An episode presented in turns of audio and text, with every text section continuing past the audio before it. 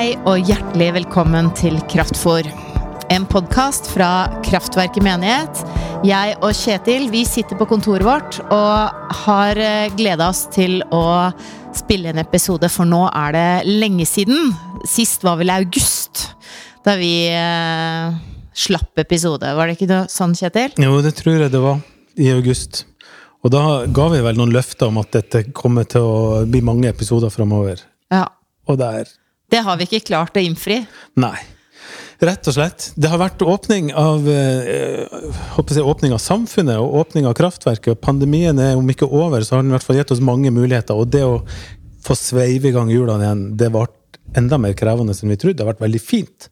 Men det Veldig har også gøy. vært arbeidskrevende og så videre. Og så har vi ikke helt hatt logistikken på vår side et par tilfeller her. Nei, det har vi heller ikke. Men vi har til gjengjeld faktisk to episoder på rappen nå. Rett og slett fordi vi har eh, en gjest eh, som er pratesalig og god. Så derfor klarte vi ikke å stoppe etter én episode. Vi bare klaska til med to, vi. Vi har besøk av Ståle Gilberg. Han er du i slekt med. Han er i slekt med Han høres jo ut som bror min, og vi har vel omtrent like fyldig hårmanke, så det er mange som tar oss for å, for å være brødre. Men han, han er nå ikke det, men han er heldigvis gift med søstera mi. Og så valgte de Gilberg i stedet for Johansen. Det var Så- kult. Ja, det var flott, rett og slett. Så Ståle, han er ja, hvor gammel er, er han da? Han er snart 50, eller noe. Og så er han gift med søstera mi, Bodil, far til Emma, Lisa og Peter, tre nydelige kids. Han eh, har vært med og starta kraftverket, bodd mange år i Oslo. Og så, jeg vet ikke, de vil vel si sjøl Sjøl si at de tok til vett og flytta til Stavern. Vi andre får tenke at ja, ja, det var vel ikke så bra å fære ut av Oslo, men i hvert fall så gjorde de det. Bor i Stavern. Han er lærer på Frikirkas folkehøgskole, som før heter Fretun. Og eh, ja, bra fyr. Og så er han eh, tidligere musikkleder her i Kraftverket, og en legende som satte en standard på mange måter, som ting måles litt opp mot fortsatt. Det er min opplevelse, da, som har vært der de siste par årene. Så det er bare å glede seg til å høre samtalen vi har med Ståle i to episoder, og det dere får høre om i dag, er altså musikken. Men først må jeg si en ting, og det er at vi, vi skal også ha en live-innspilling av Kraftfôr. Og det er 21. november. Etter gudstjenesten klokka 19 så kommer det arrangement på Facebook. Og da er det Kraftfôr live med ingen ringere enn Åste Dokka. Hun har skrevet boka 'Leve vanskeligere', og den har vi rett og slett lagd en liten prekenserie på nå de siste søndagene. Det har vi. Det blir veldig fint. Da gjør vi Kraftfôr live med publikum for første gang. Det blir gøy. Åste Dokka blir en stasgjest å ha. Men nå, nå skal vi høre Ståle Gilberg, og vi Ja, vi rett og slett satt i gang første episode, som handler aller mest om musikk. Vær så god. Hei, Ståle. Hei. Hvordan har eh, kjøreturen din til Oslo vært? Uh, den har vært eh, deilig. Så bra. To timer i bil. Alenetid, eller? Alenetid, ja. Det er det som er stas. Med god musikk og mine tanker. De beste tanker. Ja, ja, ja. Du, vi gleder oss til å høre om dine tanker. Eh, Vi syns vi er dødsheldige som har fått deg til å kjøre helt hit for å snakke med oss. Det syns vi. Eh, Velkommen til Oslo, altså. Velkommen tilbake til Oslo, velkommen tilbake til Kraftverket. Ja. Du har jo eh, en lang fartstid i denne menigheten før du flytta. Det er sant. Du var jo til og med med å starte det i sin tid. Ja, tenk det. Ja. Lenge siden er det nå? Er det 21? 22 år 22? siden. 22 år Jeg siden. kan telle fordi vi hadde 20-årsfeiring for to år siden.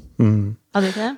Det hadde vi. Og så eh, har du hatt masse oppgaver i Kraftverket, vært sentral her, men det som du på en måte husk, jeg huskes for, nå hørtes du død ut, men det var ikke sånn ment. Det du huskes for, eller det du, du Du går jo fortsatt i veggene her. Hva ville, ja, hva ville Ståle sagt om dette her? Oh. Og da handler det jo først og fremst om musikk. Fordi Mm. du hadde ansvaret for musikken, Mm. i hovedansvaret da, for alt det musikalske arbeidet her i mange, mange år. Og helt til starten. Elleve år, ja. Hør her. Av de 13 første var to år i, som var en annen som hadde imellom. Ja. Sånn at den musikalske Det vi har lyst til å snakke litt med deg om, da, det er først nå i hvert fall, det er jo den kulturen som ble skapt da. Eh, musikkens funksjon og plass i kraftverket. Eh, og en ting er her i menigheten, men jeg vet at du, du bor jo i Stavern, og tilhører jo en menighet der, som låt litt annerledes, kanskje. Den låt annerledes, Hvordan det er det ikke tvil om. Hvordan låt det? det er en fin menighet, det òg. Nei, den er jo uh, på en måte mer tr tradisjonell. Uh, vi har jo vært så heldige at det er masse unger der. Og nå har vi konfirmanter der. Nå hadde vi åtte konfirmanter, tror jeg det var i fjor, og skal ha ni konfirmanter dette året her. Og sånn, så det er jo i hvert fall sånn som det var i kraftverket da jeg gikk her, så var det jo noen få unger i, fra null til fem, seks, sju år. Og så, og så hadde du dine, som var litt eldre. Men eh, Så det er annerledes. Og da blir jo gudstjenestene selvfølgelig annerledes. Og så har vi ganske mange gamle folk. Eh, og det må jeg også Det er en av de eh, faktisk som var litt sånn kick med å komme til Stavern. Da var det ikke sånn med en gang veldig mye unger der. Det var sånn som vokste fram de to, tre, fire første årene der. Men det å ha gått i kraftverket med bare unge folk, og man kan få lov å gjøre som man vil, og, og sånt, og slappe å tenke på den generasjonen over med, hva de syns, det var jo befriende i kraftverket. Men når jeg da kom til Stavern, så kunne det jo være ganske mm, slitsomt ikke sant, i starten, når, hvis jeg tok med meg et band og spilte der, og så kom det Husker en han kom og, eh, og var så provosert at vi spilte høyt, så han hadde brukt gaffateip på ørene sine.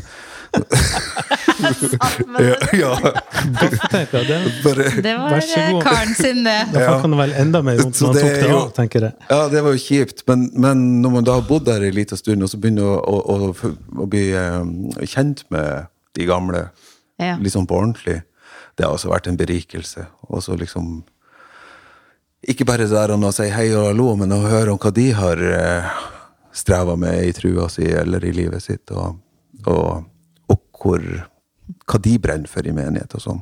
Det var jo litt nytt, da. sant? Fordi kraftverket hadde ikke gamle. I hvert fall, Jeg vet ikke om dere har det nå, men ikke da. Jeg sitter nå her. Ja. Men, vi må jo eh, plukke litt ut av hjernen din, som en eh, god amerikaner ville sagt. Pick your brain. Eh, om dette temaet med musikk i gudstjenestelivet. For der, der er du jo eh, en legende i å danne kultur her.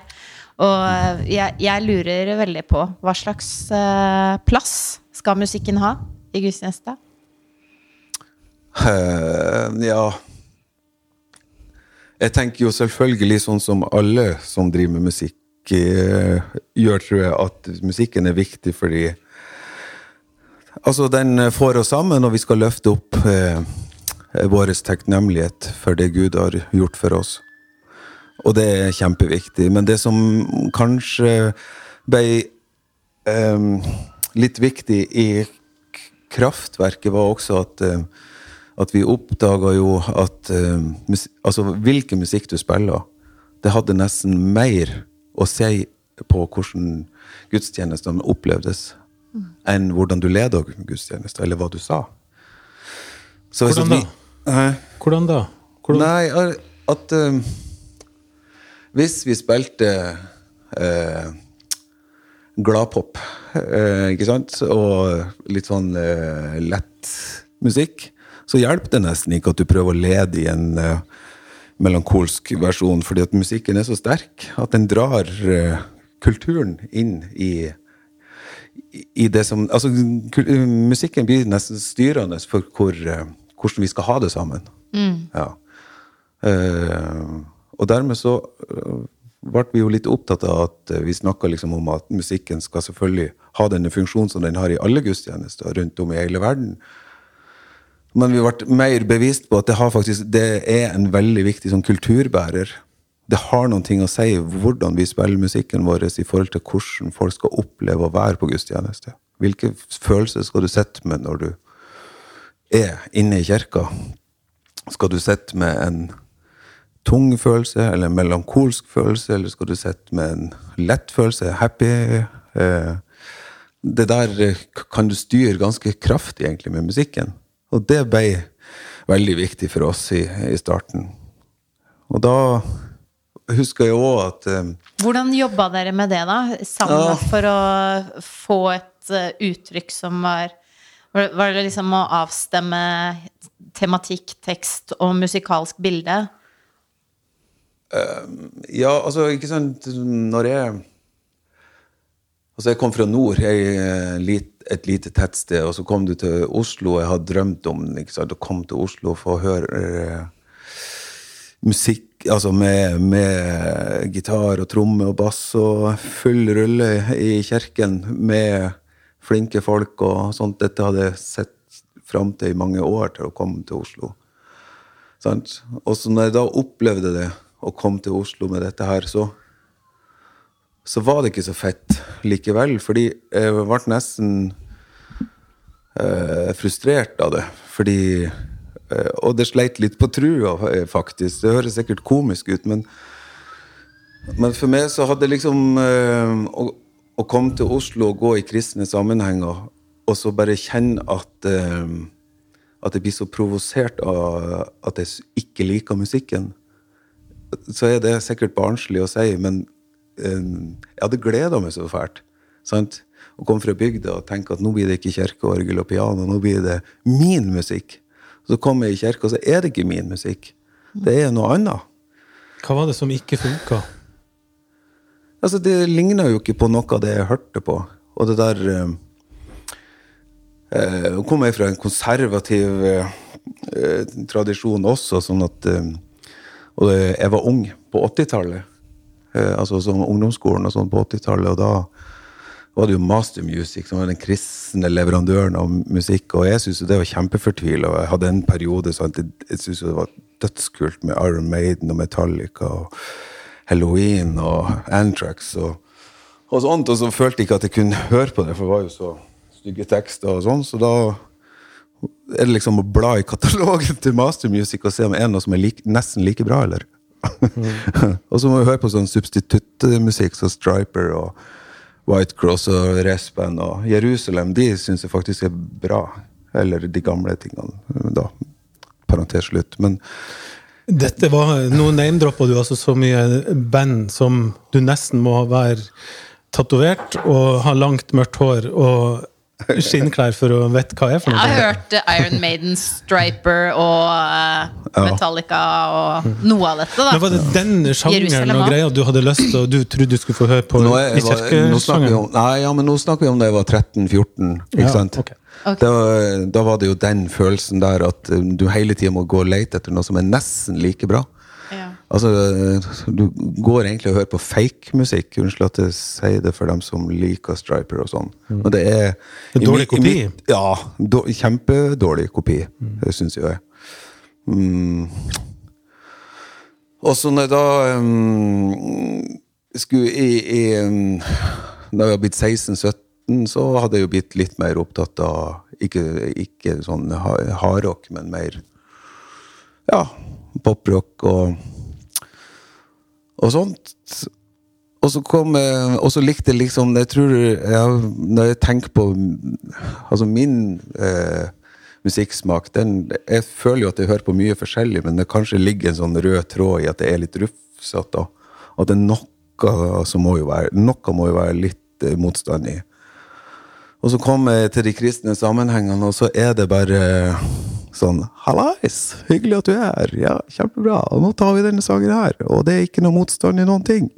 Og det er bare så lett, og det er så greit, og det er så hyggelig. Og tjo faderittan. Og jeg hadde ikke det sånn. Jeg hadde det ikke så lett og så greit, og syntes ikke det var så kult. Og så syns jeg det var, fikk jeg dårlig samvittighet for at jeg de flinke musikerne som sto der. Jeg syns at eh, Åh, de spiller så stygt. Så driver og blåser i flasker når du spiller tromme, og liksom eh, Nei, det var bare sånn uh, forferdelig. Eh, sånn happy føleri-greier. Og så, når vi da liksom startet med Kraftverket, så begynte vi å diskutere sånn Ja, hva slags musikk eh, hører du på, da? Eller hva hører jeg på? Og der tror jeg faktisk vi har vært litt heldige, fordi at på den eh, På 90-tallet så ble jo eh, singer-songwriter-musikken etter hvert ganske interessant. Den var helt utelukka på 80-tallet. Så begynner det å gro fram at du kan gjøre ting akustisk. altså Nirvana gjorde en fantastisk greie på MTV. Akustisk versjon. og så bøtta det på med akustiske runder med, med ting der de på MTV da gjerne gjorde ting som låt litt eh, Hva jeg skal si? Når til og med Nirvana nesten har litt av det der country-soundet i seg, fordi de gjør det akustisk, da. Så, så ble jo det noe av det som Det gikk jo på radioen. Det gikk jo på P3. Det var jo pop. Eh, og så kom Johnny Cash, som var en av mine store helter på dette, denne tida, som da samarbeidet med Rick Rubin, som var en, egentlig en metallprodusent og hiphop-produsent, som jobba med Johnny Cash. Og de gjorde eh, noen fantastiske plater sammen. Eh, og de ble spilt på radioen. Eh, og Johnny Cash han sang jo om ting han var opptatt av. Og da sang han eh, kanskje en U2-låt, eller han eh, kunne spille en Peter Gabriel-låt, eller, eller en låt fra bedehuset. Sant? Og han blanda dette her om en annen. Eh, og det ble jo veldig viktig for meg. Og så drev jeg på, jeg vet ikke om du husker det, Kjetil, vi laga ei sånn holdt på å si sånn gave til mamma. da, eh, med sånn, lag, jeg kalte det for Felleslaget. Og så tok jeg med noen musikere fra Kraftverket til å være med meg i studio, og så laget vi, spilte vi inn fem bedehuslåter som jeg vet at hun er glad i. Hun hadde i ei sånn sangbok som hadde håndskrevne tekster på. Så jeg drev og researcha de det for å finne ut hvordan, melodiene på de var, og sånn. Og så spilte vi de inn i en sånn country-greie. Og det ble jo òg litt sånn her ah, Det er ganske eh, rart, det der at eh, countrymusikken, den Altså Hvis du ser på melodiføringa, hvis vi går inn i sånn musikkteorien, melodiføringa i countrymusikken og sånn, den er jo kliss lik bedehuset. Altså det er, det er samme måten. Hvordan er det likt? Måten du finner altså hvilken venn du har i Jesus, da, for eksempel, som er en sånn helt åndelig Så hvis du da tar eh, og synger gjennom nesa og Hvilken venn vi Så har du plutselig countryen der, ikke sant? Og så er det samme måten å kjøre melodiføring, samme måte å gjøre akkordene på og sånn. Så når Johnny Cash og Neil Young var jo eh, stor med sine rufsete ting, da var det faktisk ganske lett å høre på P3 og gjøre noen av de her akustiske tingene som da var kommet, som var ganske poppis. Og hvis du da putta noen av de bedehuslåtene inn i de klærne der, da, så, så følte jeg, jeg i hvert fall at nå spiller sanger som er med på å løfte eh, løfte opp min tilbedelse til Gud. Men jeg spiller det på den måten som jeg ville ha spilt det hvis jeg var ute på byen og spilte andre ting. Altså, det ble mitt språk. Sant? Det, jeg spiller ikke noe forskjellig på gitaren når jeg spiller ute på byen, eller om jeg spiller i kirka. Jeg spiller akkurat det samme, men i kirka så synger jeg til Gud. Og det Og ganske tidlig der så henta ble jo en kultur, en del av kulturen, å ikke bare bruke bedehussanger eller bare bruke eh, sanger om Gud, men å hente inn faktisk de låtene som vi hørte på radio. Selvfølgelig. Sånn at fram til i dag så har jo en gudstjeneste i Kraftverket bestått av en blanding av salmer og en tredjedel sololåter ifra der ute. Ja. Var det et bevisst valg? Ja. Og aldri lovsangstradisjonen. Fortell litt om det. For den, Ja, det det, jeg er jo ny i, i Ja. gamet her. Dere var med helt fra starten. Eller har det vært noe lovsangstradisjon i Ja da, vi prøvde oss på det. Jeg har i hvert fall vært med å prøve på det.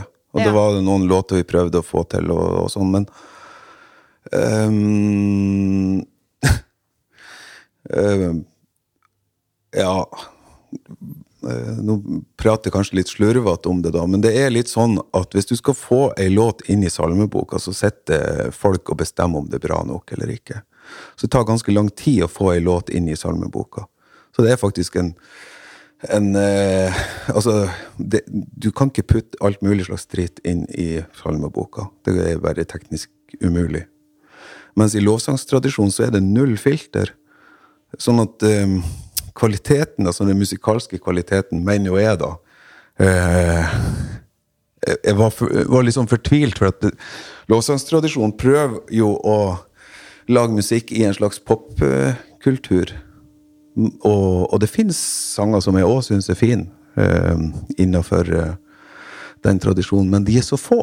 Eh, altså, fordi at der er null filter. Der eh, det, eh, det lages så mm, mye dårlig, eh, syns jeg, da, som faglig, som gjør at det er eh, Og det er en smakssak, det er det, men, men for meg så blir det sånn at jeg får ikke lyst til å Jeg blir ikke frista til å bruke de. Sant? Men er det tekstlig, eller er det musikalsk? Eller begge deler? Eh, det er nok eh, For meg så er det hovedsakelig tekstlig. Altså at jeg tenker at det, i mitt hode er det et dårlig håndverk. Altså, det er jo ikke hjerte-smerte-rim, hadde nå enda vært det. Men det er jeg, meg, vei. De tre ordene de går igjen i 70% av de norske eh, sangene, hvis de overhodet gidder å prøve å finne et rim. For det er ikke sikkert man gidder det heller. Og det er ikke sikkert at man gidder å tenke at andre verset skal fungere med stavelsene sånn som det gjør på første verset. Altså, det der er eh, Og da tenker jeg at eh, Jeg hadde ikke Nei, jeg blir ikke Altså, er fristet til å ta i primært det. et tekstarbeidet du syns er dårlig. Men har du noe eksempel på det, Du sa jo det fins noen som er veldig gode. Hva, hva, hva er det som kjennetegner de, da? Eller Nei, øh, mm, jeg vet jo Jeg er klar over at det er sma altså, musikk, å diskutere musikk er jo smak. Så Ja, ja. nå er det sikkert mange som er sinna på meg og tenker at det er helt feil å si. Og det er det kanskje til og med òg. Nei, du er gjesten vår, Ståle. Nå er vi interessert i din smak. Ja, nei eh, øhm, øh, jeg, jeg føler at når det gjelder øhm, en del av, av lovsangene, så er de bygd opp eh, sånn som jeg sier, at de er I min verden så er de bygd opp slurvete. Altså, det kan være rim i første verset og i andre verset, men ikke i tredje verset. Da fikk vi det ikke til, så da dreit vi i det. Da tenker jeg at ja, men da må du jo gå fire mil til da, før du gir det på den teksten. Eller at rimene blir så naive at, eh, at det er vanskelig å se for seg at man kan kalle det poesi. Eh, og det er kanskje ikke meint som det engang for, fra de som har lagd det. Kanskje ikke de har tenkt at det skal være poesi, at det skal være dette handler ikke om kunst, dette handler om noe vi skal Er vi ikke det det litt av lovsangens eh, hva skal vi si, natur, da? At eh, en del av de lovsangene blir laga fordi en synger fra hjertet, og så kommer det som kommer, da. Jo. Og så, eh, ja, og så blir det nå av og til litt sånn. det skal ikke være veldig Men da syns ikke jeg at øh, eh, Da syns ikke jeg at musikken får sin plass i, i gudstjeneste, for da kunne du like så godt ha sagt det. ja. Et moment til her, bare for å si litt hvorfor vi ikke har brukt veldig mye lovsanger i Kraftverket. Det går jo ikke bare på det faglige og tekstlige, sånn sett, men det går jo litt på innholdet. For lovsangstradisjonen den handler jo veldig mye om Der står et stort plusstegn. Vi opphøyer Jesus uansett og alltid.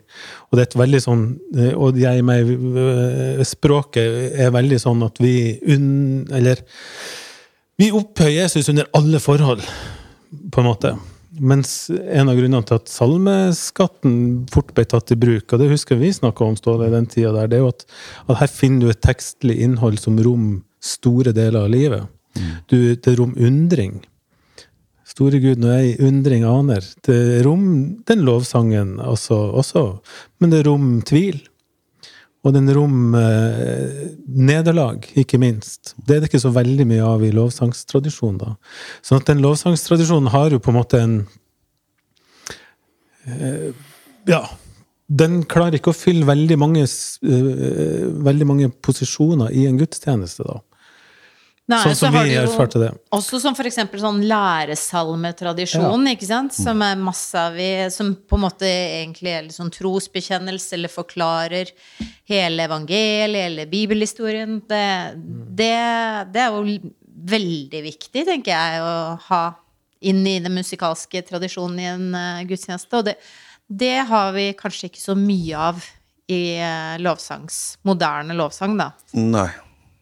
Nei, ja, jeg er helt enig med det dere sier. Og, og det der at eh, noen ganger så føler jeg at, eh, at, at jeg i hvert fall sliter litt med å, å, være med på det som skal bli sunget. Eh, altså, jeg vet at det er rett, eh, men det er noe med å synge at jeg vil, mm, og eh, jeg elsker deg overalt på jord, og jeg ditt, og jeg datt. Og den følelsen har ikke bestandig på gudstjeneste, og da ender det med at det blir sittende i benken og vente til sangen er over.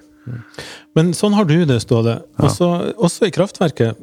Det har jo kommet til fryktelig mange folk etter din tid og, og i, i din tid også, som har stor glede av den lovsangstradisjonen. Ja, Hva har du lyst til å si til de? Nei, eh, nei, altså jeg tenker at um, jeg, jeg tror at eh, den lovsangstradisjonen har, har absolutt sin plass i, i en menighet. Fordi vi skal lovsynge Gud. Men eh, jeg tenker at det blir rart hvis at eh, hele gudstjenesten er fullt av det. For gudstjeneste har andre dimensjoner enn lovsangen. Og jeg tenker at Altså, jeg bruker òg lovsang i menigheter i Stavern. eh, og låter fra lovsangstradisjonen, hvis det går an å si.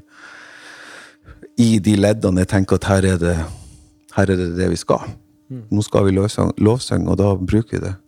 Og så kan det jo hende at, eh, at man kanskje skal leite litt, altså ikke gi seg på eh, eh, altså, For det finnes gode lovsanger, eh, men det jeg tenker at vi som har, er, er, driver med musikk i menighetene, vi har litt ansvar for å faktisk eh, komme opp med noe som, som det er substans i. Um, ja. Så jeg tenker at um, Hva tenkte du om Tenk da dere noe om når man eh, plukker. Ja, men når du må, vi, må, vi må fortsette litt her, fordi at for eksempel mm. De sier helt bevisst at de lager en sang, så skal den vare i ett og et halvt år. Og så skal de ha nye sanger. Som, eh, hva tenker du om det? Fordi da, da blir på en måte premisset for å lage disse lovsangene litt annerledes enn å lage en salme da, som trenger tid for å havne i salmeboka, sånn som du snakka i stad. Hva tenker du om, den, om det? Det er vanskelig for meg å faktisk eh, henge med på den, for da mener jo jeg at man mister eh, noen dimensjoner. Én ting er at eh, det tar litt tid for å finne ut om noe er substans i. Det tar noen år før man vet at det her er noe som faktisk kan være noe. Så du mis, mister den, og så mister du også muligheten for folk som kommer inn i en sammenheng og kjenner at der kom den sangen, den hørte jeg når jeg var liten eller eh, et eller annet. Men, hvis, men, men jeg vil jo ikke avskrive det. ikke sant? Jeg vil fortsatt stå hardt på at lovsangstradisjonen må inn i lovsangsleddet i, i gudstjenester. Eh, gjerne. Og hvis det, de har lyst til å gjøre sånn, så velsign dem for det. Men jeg, jeg tror ikke jeg kommer til å Det skal noe til at jeg kjenner at det pirrer i Oi, det får jeg lyst til å høre på. Det Da må du si ifra, Ståle. Da kommer du tilbake hit og forteller hva som skjedde. Men jeg har jo lyst til å, å gi lovsangstradisjon, og de som på en måte er De som er bærere av den tanken, da, at nå skal, vi, nå skal vi lage noe som er veldig her og nå. At den virkelig eh, kjemper for å klare å skape noe som, som treffer tida. Treffer stor, et stort publikum. For det er det jo virkelig. Og Hvor hen? Ja, for eksempel i Hillsong. Der, eh, Hvilket er sånn- publikum traff det? Ja, Ja, er mange avspillinger på Spotify, tror jeg, på disse her. Av, av hvem? Nei, det veit jeg ikke. Men at det er mange som hører på det, det er det jo ingen tvil om. Tviler du på at det er reelle mennesker, eller er det, er det bare at det liksom den, den smaken, den er Nei, jeg mainstream og populær og derfor ikke så verdifull fordi du liker det rufsete?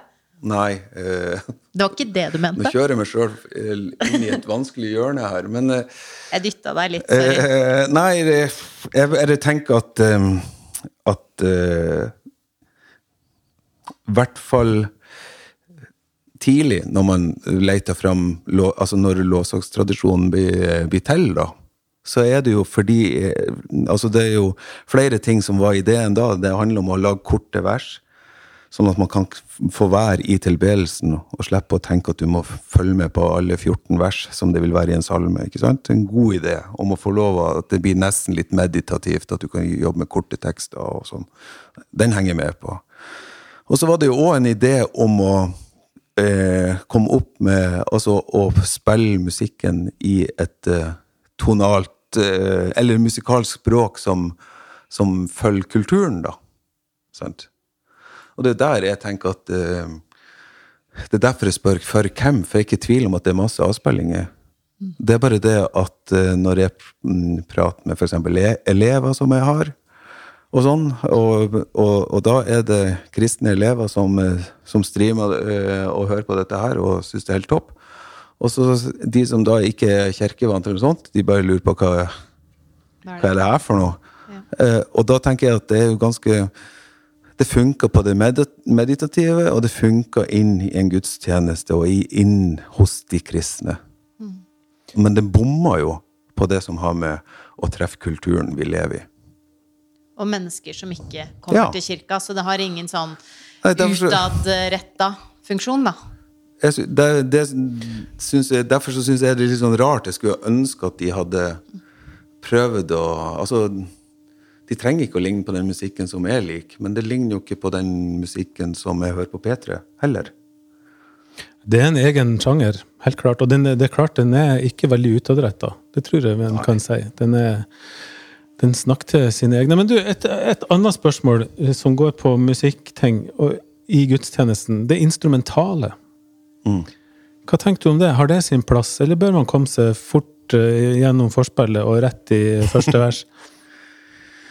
Jeg tenker jo noen gang Altså, jeg har jo en svigerbror eh, som er organist. Hørt om han? Ja. Eh, som jeg føler at jeg har lært mye av å diskutere musikk, og eh, syns det er så spennende å se hvordan han gjør.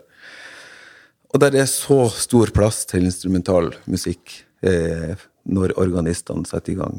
Eh, og så tenker jeg ofte i våre sammenhenger at, eh, at vi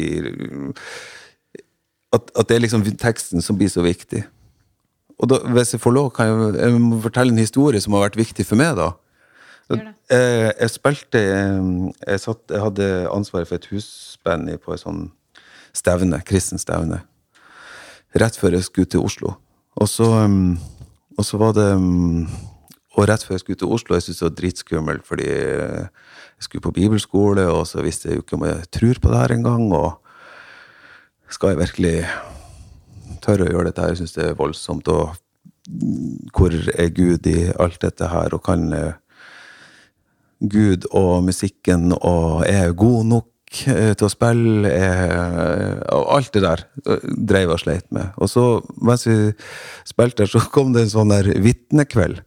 Um, og da sitter jeg på fremste rad, og så eh, Og så er det jo folk som er oppe og, kommer med noe tvungetale tungetale og noe eh, profetiske ord og sånn. Og, så, eh, og jeg, jeg prøver nå å be til Gud om at er det noe til meg, så, så prøver jeg jo å være åpen og sånn, men merker ikke så mye av det. Og så kommer det opp en fyr, eh, og så sier han at jeg har et budskap. Mm, men jeg skal ikke si det, jeg skal spille det, eh, sa. Og så tenkte jeg bare å hjelpe meg, skal jeg, for jeg har hørt han spille før, og jeg syns ikke det var noe fint. Så jeg bare tenkte at ja vel, hva, hva skjer nå? Og så gikk han og satte seg bak pianoet, og så spilte han, og da spilte han styggere enn jeg noen gang har hørt. Det var helt eh, crisis. og og jeg, jeg stakkar, jeg var jo bare 19 år, jeg satt på første benk og begynte å le.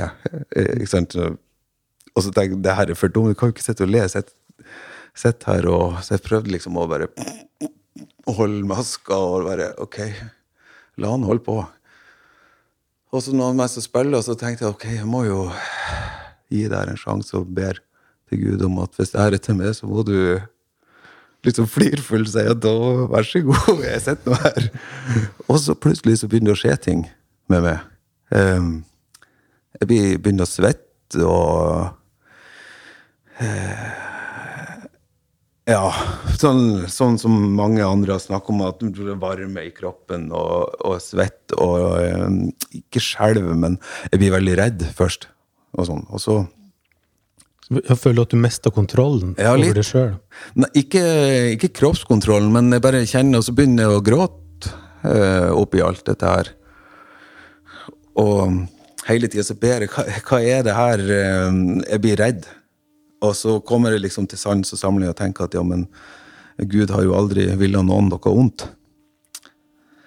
Og så prøver jeg å tenke at det er ok, hva vil du? Jeg prøver å Jeg skjønner jo ikke bare. Og så de siste 20 sekundene som spilte, så var det bare sånn eh, Åpna det sånn Dette er til det, Ståle. Dette er ordet til det. Veldig, veldig rart. Og fantastisk å få med seg det når jeg skulle til å flytte hjemmefra. Sant? Og for meg så ble jo den stor uh, fordi det ordet som jeg følte at jeg fikk. Men en, det var jo to ting som skjedde. Det ene er at um, jeg følte at Gud sa til meg at uh, uansett hvor dårlig du er å spille, Ståle, så, uh, så handler det om at Gud skal bruke det. Sant? Jeg har ikke noen ting å si om folk er flinke å spille eller ikke. Det handler om eh, å formidle det som Gud vil.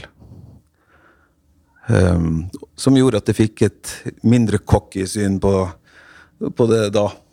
Og, og så var det òg det der at uh, ok, hvis Gud hadde sagt det her gjennom en sånn tungetale eller profetisk tale, hva, hva det hadde det ville Det hadde sikkert vært fint for meg, det òg, altså, men nå gjorde han det på mitt språk. Eh, sant?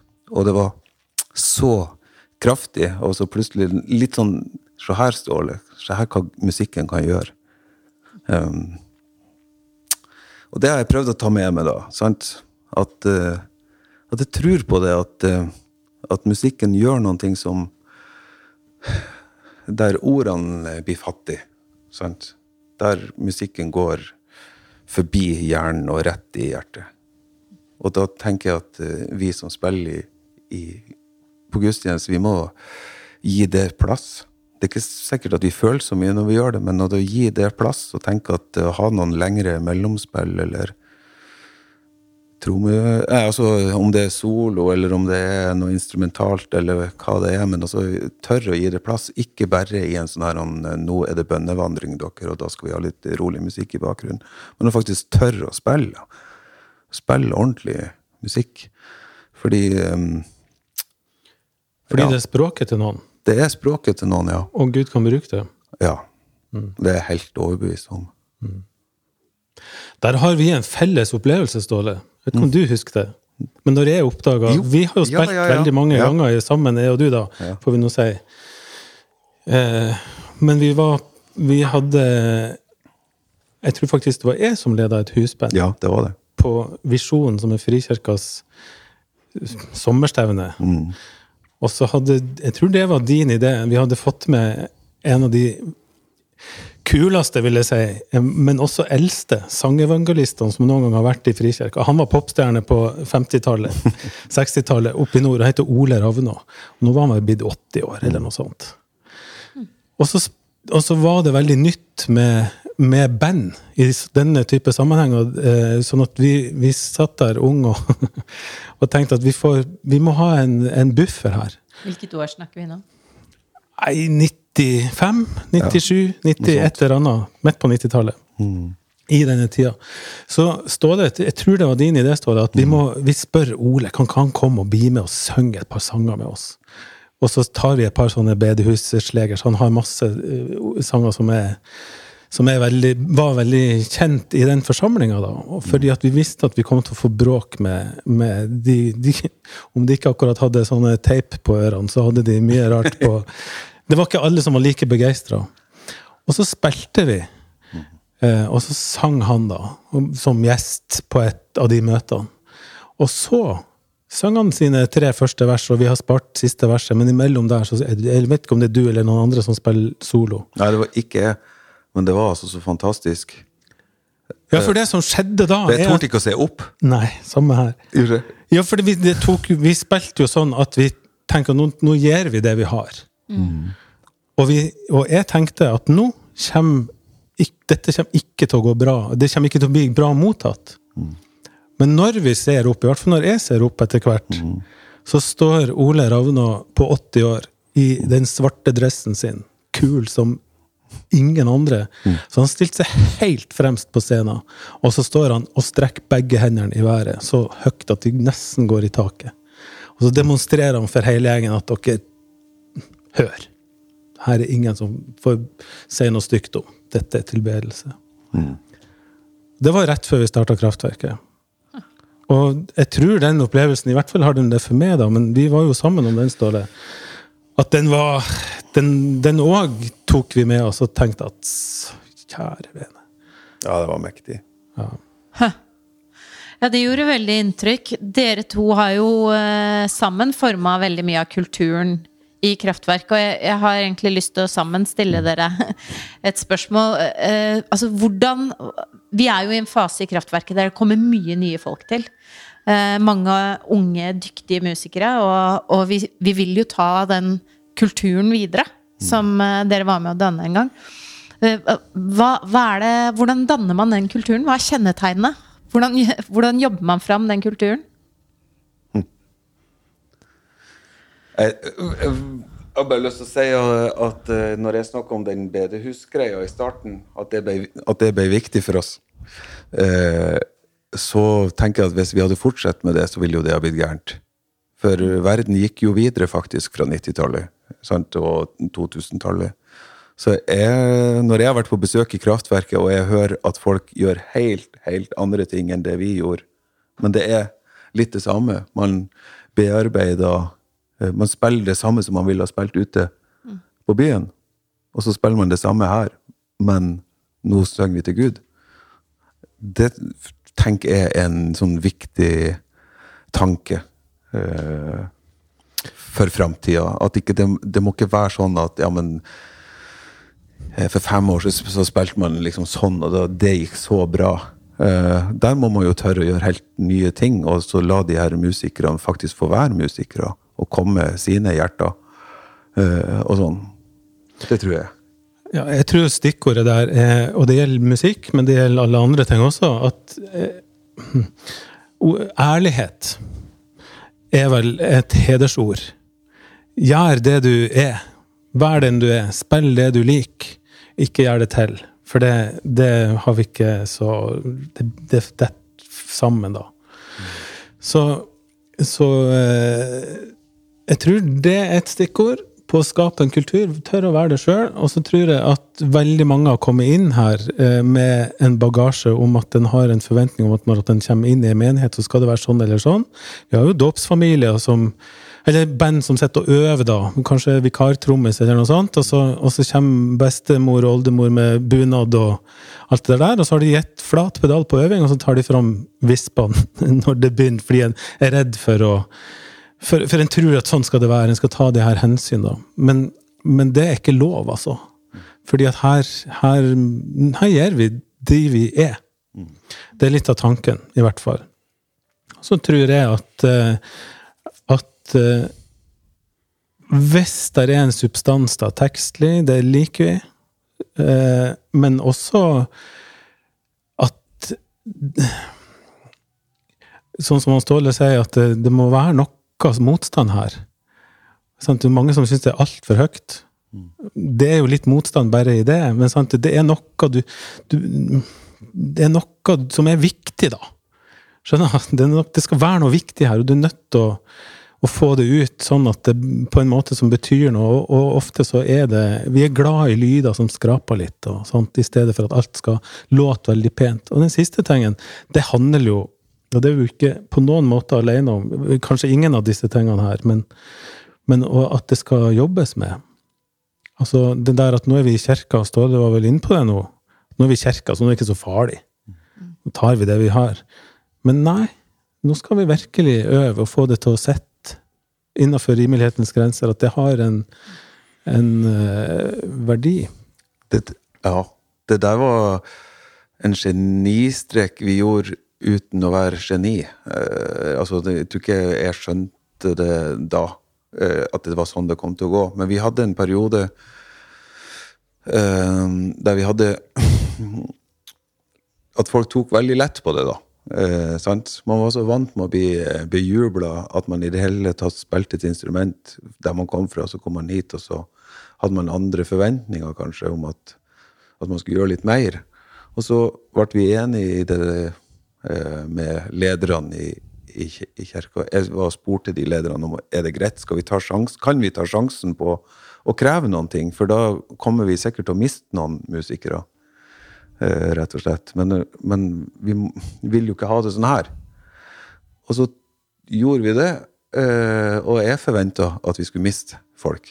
Eh, og da satte vi krav. eh, Altså sånn Jeg prøvde å skrive ned et sånt eh, eh, sånn arbeidsveiledning, at det forventer arbeidstid eh, på forberedelse av gudstjeneste og sånn, for å få bort det der at de bare kommer og drar en låt og sånn. Og det rare var at det var det motsatte som skjedde. Eh, at det kom enda flere som ville være med og spille. Og det hadde ikke jeg sett for meg. Jeg hadde sett for meg det motsatte. Men jeg tror, og jeg kjenner meg sjøl igjen i det, at hvis at jeg skal bare komme og bare ta en sang, eller sånt, så er ikke det så veldig artig. Men hvis folk ber meg om å komme med noe bra, ja, så er det jo min lidenskap, den musikken. Og for en musiker så er det lidenskapen, og da får man jo så lyst til å bare Ok, her, nå har jeg lyst til å, å gi noe skikkelig her. Og så takhøyde for å bomme litt og prøve litt og, og sånn. Eh, og dermed eh, Ja. Det syns jeg var så rart. Jeg har ikke tenkt eh, det da, men det har jeg også prøvd å ta med meg til seinere. At det er faktisk på mange måter lettere å få folk til å være med over tid, da. Hvis at man ikke sier 'Kan du komme og hjelpe oss? Vi trenger veldig lite av det du kan'. Sant? Bare kom og Hvis du bare kommer en sukkerbit, så er vi fornøyd. Da blir det ikke lenge der. Men hvis du kommer med 'Kan du komme oss og virkelig bake kake', altså den favorittkaka di, eller kan du komme og gjøre noe skikkelig hos oss? så får folk ofte lyst til å være der. Men Ståle, her har jo vi et, og dere i Stavern, et uh, ilandsproblem, skulle jeg til å si. Vi har ikke et problem engang. Vi har masse ressurser å spille på. Og, og den byen her, i hvert fall Oslo, er, der er jo så smekkfullt av gode musikere, at, og, og nettverket er stort da, i og utenfor menigheten, så vi, vi henter inn de vi trenger til enhver tid. Men i heimbygda di, jeg vet ikke hvordan det er der, men i heimbygda mi, sant, hvor, hvor eh, det er færre folk, færre ressurser hva, eh, Det må jo være nitrist å høre på oss, hvis du bor der. Nå, men jeg, jeg tror litt på det samme, egentlig. Jeg tror at, eh, at eh, Det er klart, hvis at Det har jo hendt eh, hjemme på Rognan, der jeg kommer fra, at de har slitt med å ha folk til å spille i det hele tatt. Ikke sant? Da, da, det er jo et, et vanskelig utfordring. Men uh, nå har de ikke det. Nå har de jo folk som uh, spiller uh, og sånn. Men det der å faktisk gi Altså uansett hvor man er, men at man tør å Har du bare én pianist eller bare en gitarist, men å liksom eh, oppfordre til å, å, å gi noe, og ikke være bare en, en sånn eh, Få noe til å fungere. Du skal slippe å bruke så mye tid på dette her. Jeg har ikke noe tro på den der eh, tanken. Det Sjøl i mindre menigheter så tror jeg egentlig både musikeren og, og menigheten har det, har det finere Hvis at uh, musikeren blir oppfordra til å tørre å gjøre litt uh, fra hjertet. Det er skikkelig lærerikt å høre på deg, Ståle. Og uh, jeg har i hvert fall tatt inn over meg mye som har med musikkens plass i gudstjenesten å gjøre nå. Og så har vi lyst til å prate med deg om hva forhold du har til trua å gjøre. Men så pratesalig som du er, så tror jeg jammen vi er nødt til å ta det i en ekstra episode. Superspesial. Det gjør vi. Skal vi la folk få vente i spenning? Takk for i dag. Kraftfor er en podkast fra Kraftverket menighet. Leda av Maria Bjørdal og Kjetil Gilberg. Lydtekniker på denne episoden har vært Ruben Fredheim Moa. Kraftverket har gudstjenester klokka 17 hver søndag på Bislett. Og hvis du ønsker å støtte innspillingen av Kraftfor økonomisk, så kan du vippse til 10393. Ønsker du å gi fast til driften av kraftverket, så kan du gå inn på gitilkraftverket.no. Abonner gjerne på Kraftfor, og tips andre om podkasten.